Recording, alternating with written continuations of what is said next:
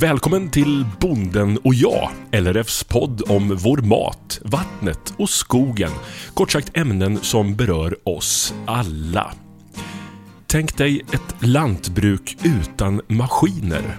Eller ett lantbruk där bonden flyger ut över sina marker sittandes i en drönare och med traktorer med fjädring hämtade från Formel 1-bilar. Mm. Häng med nu, för nu ska vi prata lantbrukets utveckling och historia med universitetslektor Per Frankelius. Vad tycker han om att prata om det här ämnet? Det är ganska trist faktiskt. Nej, det finns ju få ämnen som är så pass dramatiska som det här nu. Och det kan jag säga för att jag är part i målet. Men det är ju en enorm utveckling som pågår nu för att få fram den livsmedelsproduktion vi behöver för att göra det på ett hållbart sätt och för att säkra lönsamheten på landsbygden i olika länder. Och det är en massiv teknikutveckling, det är en enorm regelförändring och lagar och regler och det är massor med kunskap som behöver in nu i lantbruket. Är det lite av en brytpunkt nu säger du? Ja, det tycker jag absolut att man kan säga. Vi har ju haft många brytpunkter historiskt men nu går vi in i en era där man pratar om en enorm precision. Man pratar om eh, hållbarheten ska in. Det har man inte haft lika mycket under första halvan av, av eh, 1900-talet och sen vart det lite grann på slutet. Men nu kommer det på allvar kombination hållbarhet och produktion och det är en utmaning för de som ska utveckla koncept. Historien och lantbruket, vill du börja långt där borta tillbaka i tiden eller vill du blicka framåt eller ska vi röra oss i nutid? Är det okej? Okay? Man sjunger By the Rivers of Babylon? Ja, det tänkte jag att vi skulle göra. By the Rivers of Babylon Ja, det var ju där det började. Va? Sen, sen eh, gick det framåt ganska segt då. Sen på eh, 1500-talet så eh, kom ju maskiner, olika sorters maskiner, såmaskiner och annat då. Sen någonstans 1800-talet, 1850, då börjar man verkligen tänka visionärt. Fransmännen utvecklade ett koncept med robotar som, som vandrande dinosaurier som skulle gå i fälten och automatiskt göra allt arbete. På 1800-talet? 1890 ungefär i, eh, i Illustri la någonting franskt, någon sån här, eh, där man målade upp visioner om robotisering, automation då.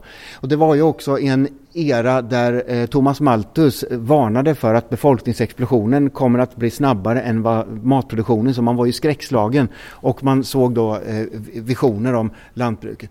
Sen var, var det två saker som hände. Nummer ett, man fick elektriciteten och nummer två, man fick traktorn. Och plötsligt så kunde man ju då realisera en hel del av de här mekaniska eh, visionerna som man bara hade i huvudet tidigare. Och när var det här, traktorn och elen? Ja, traktorn art, slutet på 1800-talet, elen början på 1900-talet skulle jag säga. Det är alltid svårt där med tidpunkter men det slog väl igenom i början på 1900-talet. Eh, Båda de här sakerna i Sverige skulle jag säga 1930, för de allra flesta var 1940. Grollen som kom 1946, det var ju den som, som liksom gjorde det stora intåget. Hur stor revolution var det här? Hade en enorm revolution. Alltså det, det var ju så, eh, ta fallet Irland, eh, var det en tredjedel som, av befolkningen som, som svalt då på 1800-talet för man kunde inte få fram mat. Så det var ju liksom allvar det här. Men tack vare de här hjälpmedlen så kunde man alltså med en liten arbetsstyrka få fram den mat man behöver. Och det hör till saken att arbetskraften behövdes ju för den framväxande industrin, den industriella revolutionen. Och när man plockade arbetskraften från landsbygden då var man ju tvungen att ersätta hårt arbete med eh, avancerad mekanik och eh, automation. Då. Och där kom traktorn och elektriciteten in i bilden. Vad tror du man såg för framtidsvision då? För det här måste ha varit nu har vi kommit till vägs ände, bättre än så här blir det inte. Eller vad tror ja, du man tänkte? Ja, så har de ju sagt. De lärde många, många gånger. Nej, visionerna var det ingen brist på skulle jag säga. Det, det fanns ju visioner, eh, som jag sa, på 1800-talet med robotar och sen när man kom in lite närmare, 1950 skrev Aldous Huxley en, en exposé, Framtidens lantbruk, där man hade massor med elektronik från jord till köket om man säger så.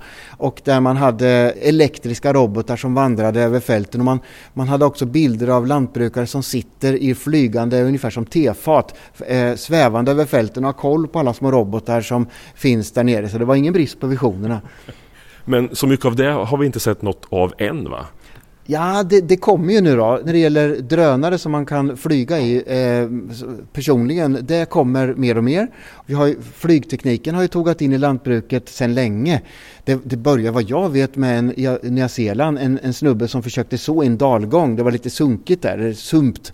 och eh, hängde då såmaskin i, i en luftballong och drog den i ett rep. Det var ju remote control då va? Eller re, rep control. Rep control. Rep control. Tittar man på satelliter och flyg så har ju, om man tar satelliter, eh, faktum är att innan GPS-systemet ens var färdigt så var det forskare i Kanada som började tillämpa det på att sprida gödning. Och när det väl blev färdigt så slog det igenom i lantbruket före många andra. Och jag blir lite irriterad på de här tekniknördarna som pratar om oh, Tesla, Google, självkörande fordon. Ja, ja, det hade man ju 10-15 år innan i lantbruket. Jaså? Ja men så, i Australien körde man ju traktor. Idag så sitter man ju inte och kör traktor utan man, man kör ju självkörande givetvis. Så lantbruket är förebild, de Alltid går före. Det är alltid före. Eh, ta bränsleceller som man hade för att få med sig elektricitet till månen med eh, Apollofärderna. Det uppfanns ju av eh, NASA nu ska du säga ja. Just det, det vet jag. Nej, det är fel va? Utan nej, men det är det ju inte. Nej, jo, det, det, det är fel. Därför att NASA gick, och, gick in till en traktor, Ali Chalmers 1958, och plockade ut bränslecellen, för de hade utvecklat bränsleceller i den traktorn. Så först kom traktorn, sen kom NASA, sen kom Chevrolet Electrovan 1963 eller någonting. Lantbruket ligger alltid före. Det är ju jätteintressant. Hur kan det komma sig att det har varit så och är så tror du? Nej men det har vi med Babylon igen och Bonnie M alltså. Rivers of Babylon. Det var ju en bransch som tidigt tog eh, fart, eller hur? Och eh, man har ju haft en våldsam teknikutveckling i den här branschen. Det, världens första eh, högtrycksångmaskin, TV-tick, jag kan inte uttala namnet, TV-tick. Vart ställdes det tro? Jo, i Cornwall hos, för att driva tröskverk. Återigen, hela symbolen för industrialismen eh, tog fart i lantbruket. Maskinerna måste ju ha varit väldigt, väldigt avgörande. Nu kom det någon som kunde hjälpa oss göra det tunga jobbet. Vilka prylar och maskiner vill du ta ut i lantbrukets historia som har varit sådär avgörande? Ja, till att börja med trepunktslyften då. Så att kunna montera redskap med tre punkter på en, på en traktor så att när plogen kör fast och börjar bli tungt att det då lättar. Det blir ju liksom en triangel då med en kraftverkan så att man lättar och sen när det är okej okay igen så sänks det ner. Då kunde man alltså med en liten traktor ha tvåskärig plog, till och med treskärig och på det sättet, det, det var en enorm revolution. Sen måste man nämna mjölkmaskinen då som var eh, helt fantastisk och är fortfarande helt eh, fantastisk med alla dessa olika typer av robotkoncept. Sen kan man ju säga att även kemiska revolutioner, hela den eh, gröna vågen då med konstgödsel och så, så det är många som inte gillar det idag, men det var ju en enorm eh, utveckling för lantbruket och även bekämpningsmedel. Så att vi har kemi, vi har mekanik och sen på senare tid då satelliter och elektronik. Utvecklingen har gått väldigt fort, det hör vi när du berättar, i lantbruket. Går det lika fort idag? Det går, jag skulle säga att det går fortare. Vi, vi, det är en sån dramatisk eh, utveckling nu inom biologi, massa nya koncept, cover crop, companion crop, massa olika att jobba med biologisk markhälsa och ha sensorer nedgrävda för att analysera markhälsans utveckling. Och sen har vi då det här med mekaniken där man egentligen Eh, man, man jobbar med RTK-GPS på två centimeters noggrannhet. Och eh, visionärerna säger så, så, här att vi kommer att ha koll på varje enskild liten centimeter, varje planta.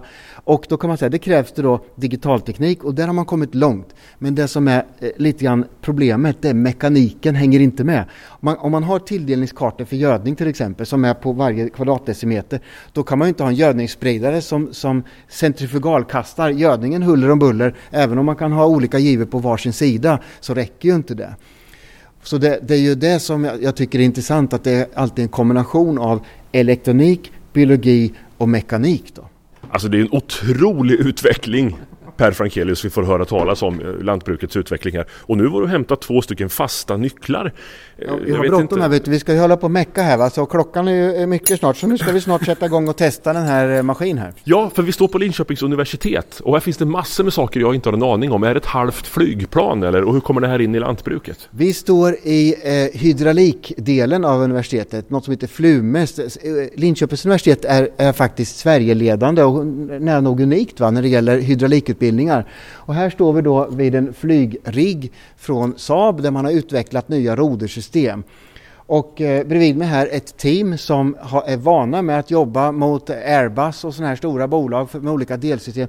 Men som nu har intresserat sig för, vad då? Jo, lantbruket! lantbruket. Ja. ja, hej, vad heter du? Hej, Magnus Landberg.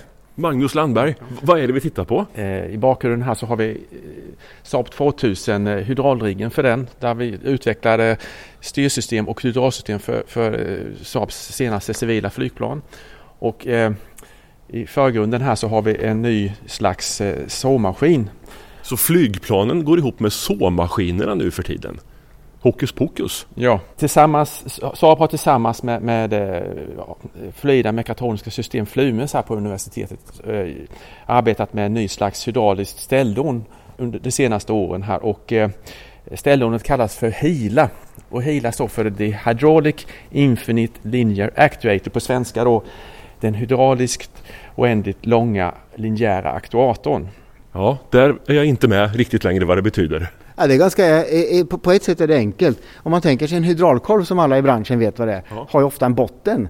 Men det här har ingen botten. Det här är alltså oändliga, alltså man kan ha helt flexibel eh, förflyttning av någonting i en viss riktning då. Man kan enklast beskriva det som när två händer halar in ett rep med en last. Va?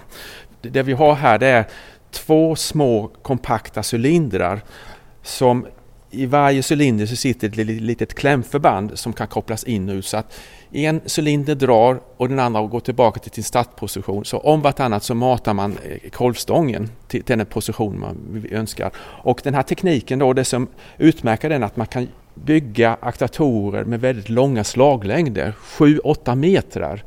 Och, det, och eh, vidare så kan man jobba med höga systemtryck eh, upp till 40 megapascal och man kan bygga väldigt kompakta system och det som också är intressant är att det går åt väldigt lite olja, bara 2-3 liter för ett mobilt system. Så ut i verksamheten, vad kan man göra konkret med den här sen? Vi har flera olika applikationer. Man kan använda det här ställdonet för att styra solpaneler till solceller.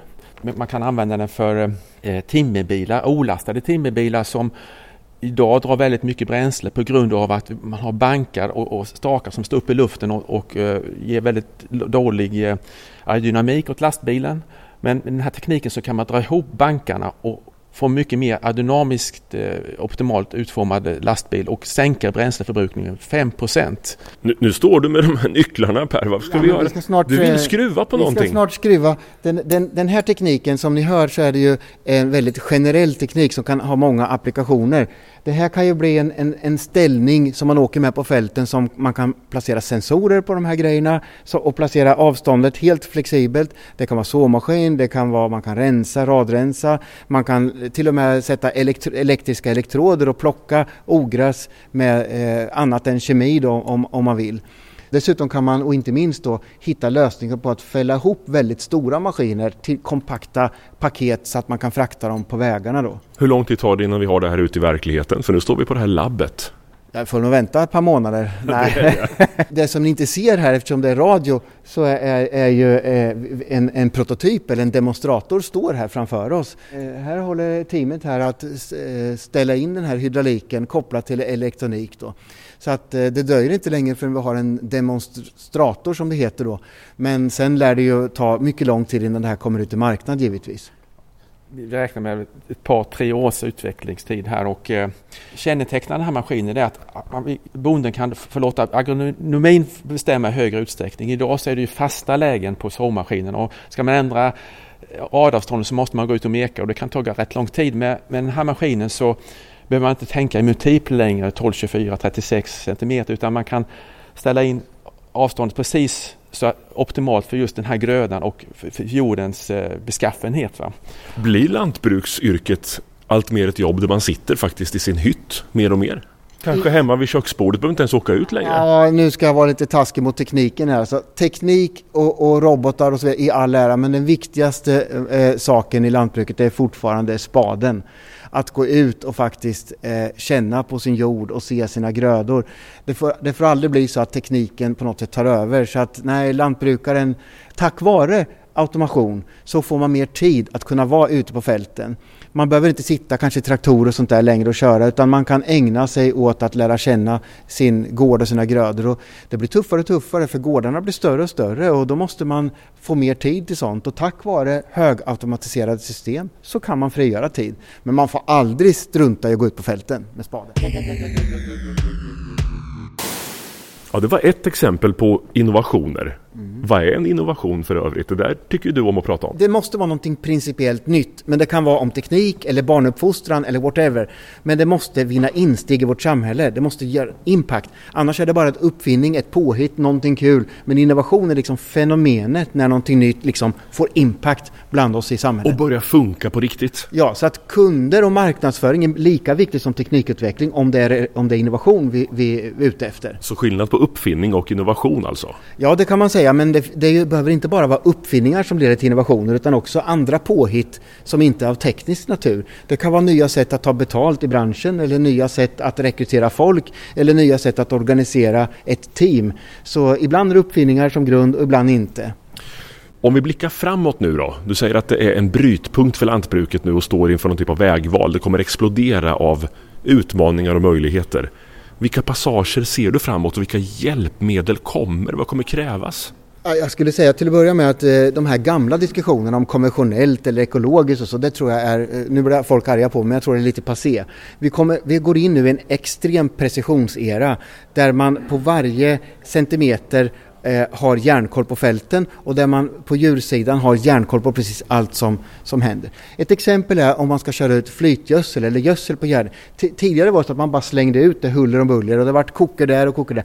Nu kan man alltså ha en eh, NIR-sensor i utblåset som var, flera, flera, jag tror det är 2000 gånger per sekund eller någonting, mäter vilka atomer som strömmar genom röret. Så man får då i datorn veta hur mycket fosfor, hur många fosforatomer har lagts ut och kväve kommer in i kartan. Så man får alltså en jätteprecision i utläggning av gödsel. Det är ett exempel. Men det handlar om effektivisering allting eller? Det låter så? Ja, effektivisering, men det handlar också om att optimera agronomin. Att, att verkligen säkerställa att vi tar vara på vår dyrbara jord, att växterna växter, växer och att vi inte skapar onödig miljöpåverkan. Alltså all utveckling går framåt och det som är ekologisk odling idag, det, var inte, det är inte samma som för 20 år sedan. Eh, Gotia Redskap till exempel här utanför Linköping, de har en maskin med enormt avancerad ekologisk odling. Det är ju inte samma ekologisk odling som man hade för 20 år år sedan. Så det har gått framåt. Det är samma sak med konventionellt. Det är ju inte samma metoder idag som för 20 år sedan. Och de här områdena håller på att smälta ihop då.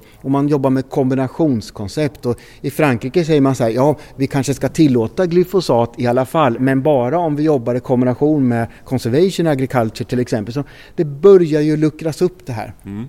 Du, du har en dator med dig här med små hållpunkter och, och, ja, det här är väl innovationer som kommer framåt och redan finns. Ska vi plocka några godbitar och se lite vad kan vi vänta oss? Vi kan plocka ett par saker som inte finns eh, ja. eller som är på väg då. Ett, ett exempel är ju ansiktsigenkänning av djur. Att man kan eh, i hagar och så kunna eh, ha koll på alla djur och veta vem som eh, står här vid stolpen eller vid grinden.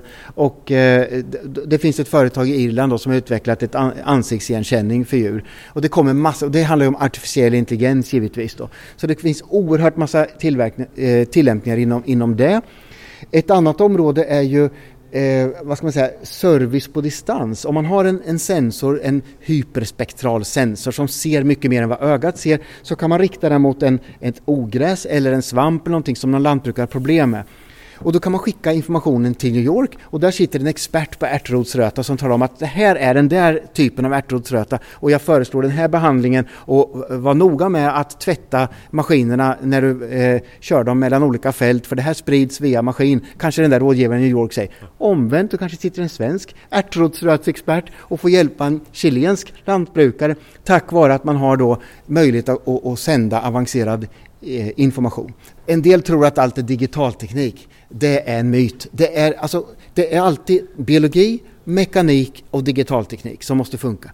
Ett exempel på mekanik, där Kverneland har uppfunnit en ny typ av slotterkross. Det är ju svårt det här med fjädringen när man kör på, alla som kört i traktor i 20 km i timmen på fältet vet att det skakar och dundrar.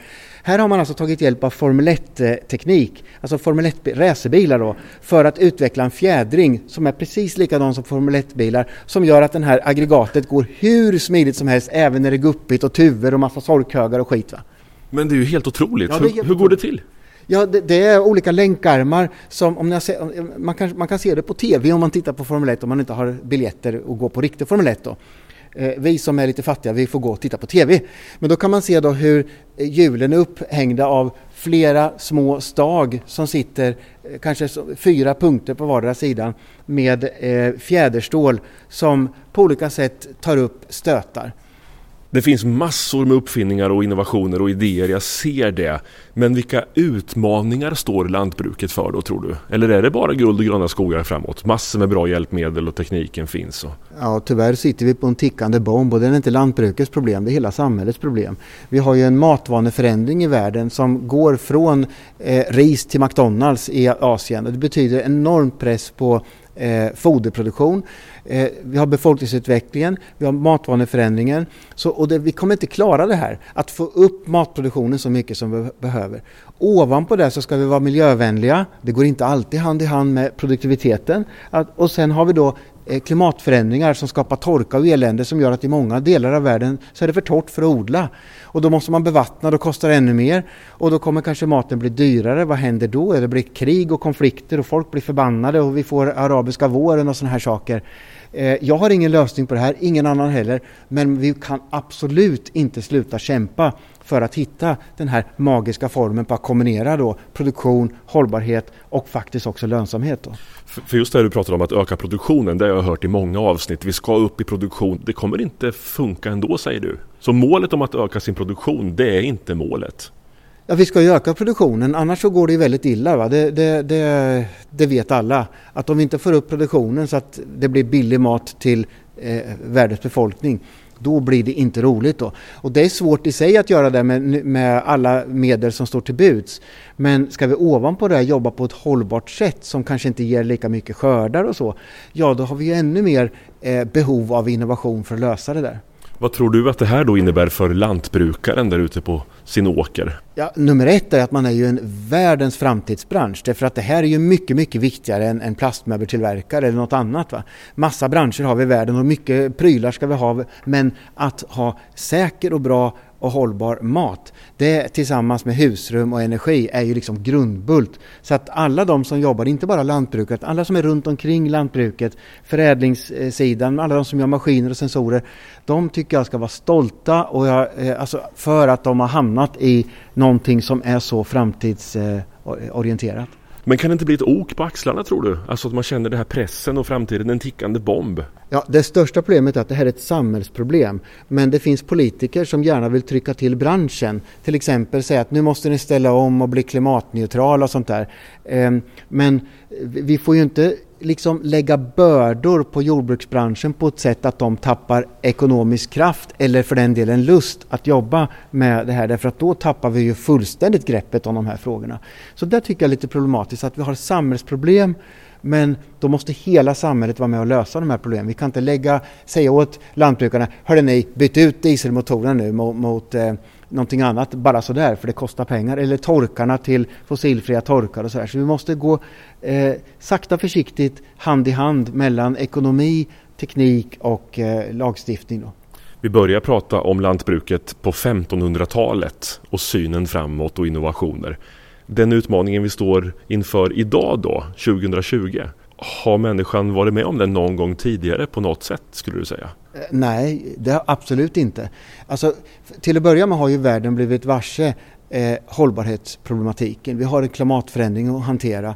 Vi har biologisk mångfald som är hotad. På Linnés tid så var ju världen helt oändlig.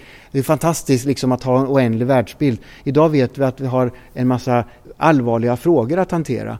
Och det har ju världen aldrig tampats med. Att samtidigt öka produktionen, att samtidigt då rädda miljön och klimat.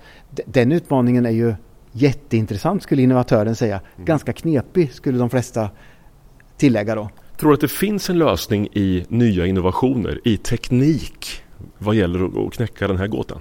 Det, krävs en lös det finns en lösning i teknik men det är lika viktigt att det finns mottagare, alltså lantbrukare som är villiga att testa ny teknik och som har råd att riskera investeringar. Om man ska köpa någonting nytt som är oprövat, någon måste gå först, någon måste investera. Så vi måste säkra lönsamheten och tyvärr är det så att lönsamheten är alldeles för dålig i lantbruket.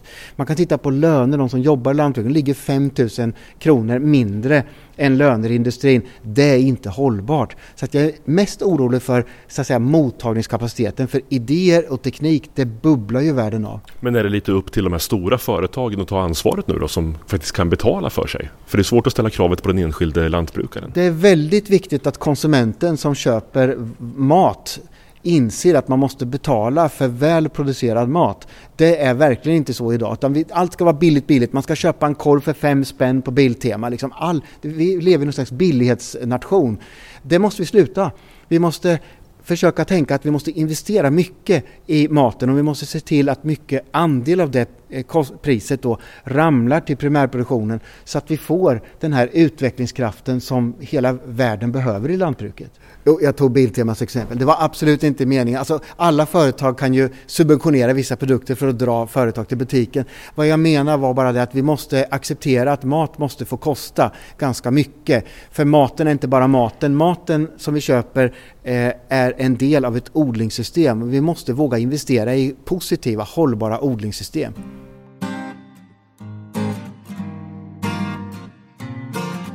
Du har lyssnat till Bonden och jag, en poddradioserie från LRF. Och för fler intressanta ämnen och avsnitt, klicka dig bara vidare. Jag heter Mattias Lindholm och är programledare och producent för den här serien. Jag hoppas att vi hörs snart igen.